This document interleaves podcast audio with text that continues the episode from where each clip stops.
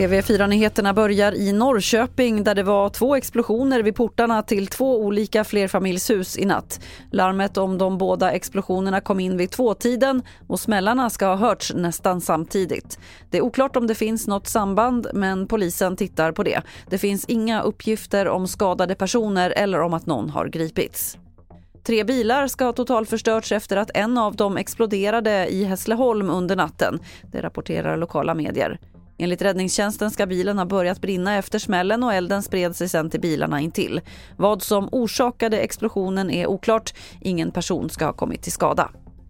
Och vi avslutar i USA där det nu är klart att den konservative Florida-guvernören Ron DeSantis utmanar Donald Trump i kampen om att bli Republikanernas kandidat mot Joe Biden i presidentvalet nästa år. DeSantis lanserade sin kampanj på Twitter i natt svensk tid med budskapet om en stor amerikansk comeback. We need the courage to lead and the strength to win. I'm Ron DeSantis and I'm running for president to lead our great American comeback. Och fler nyheter hittar du på tv4.se. Jag heter Lotta Wall.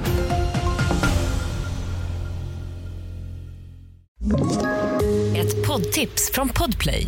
I fallen jag aldrig glömmer djupdyker Hasse Aro i arbetet bakom några av Sveriges mest uppseendeväckande brottsutredningar.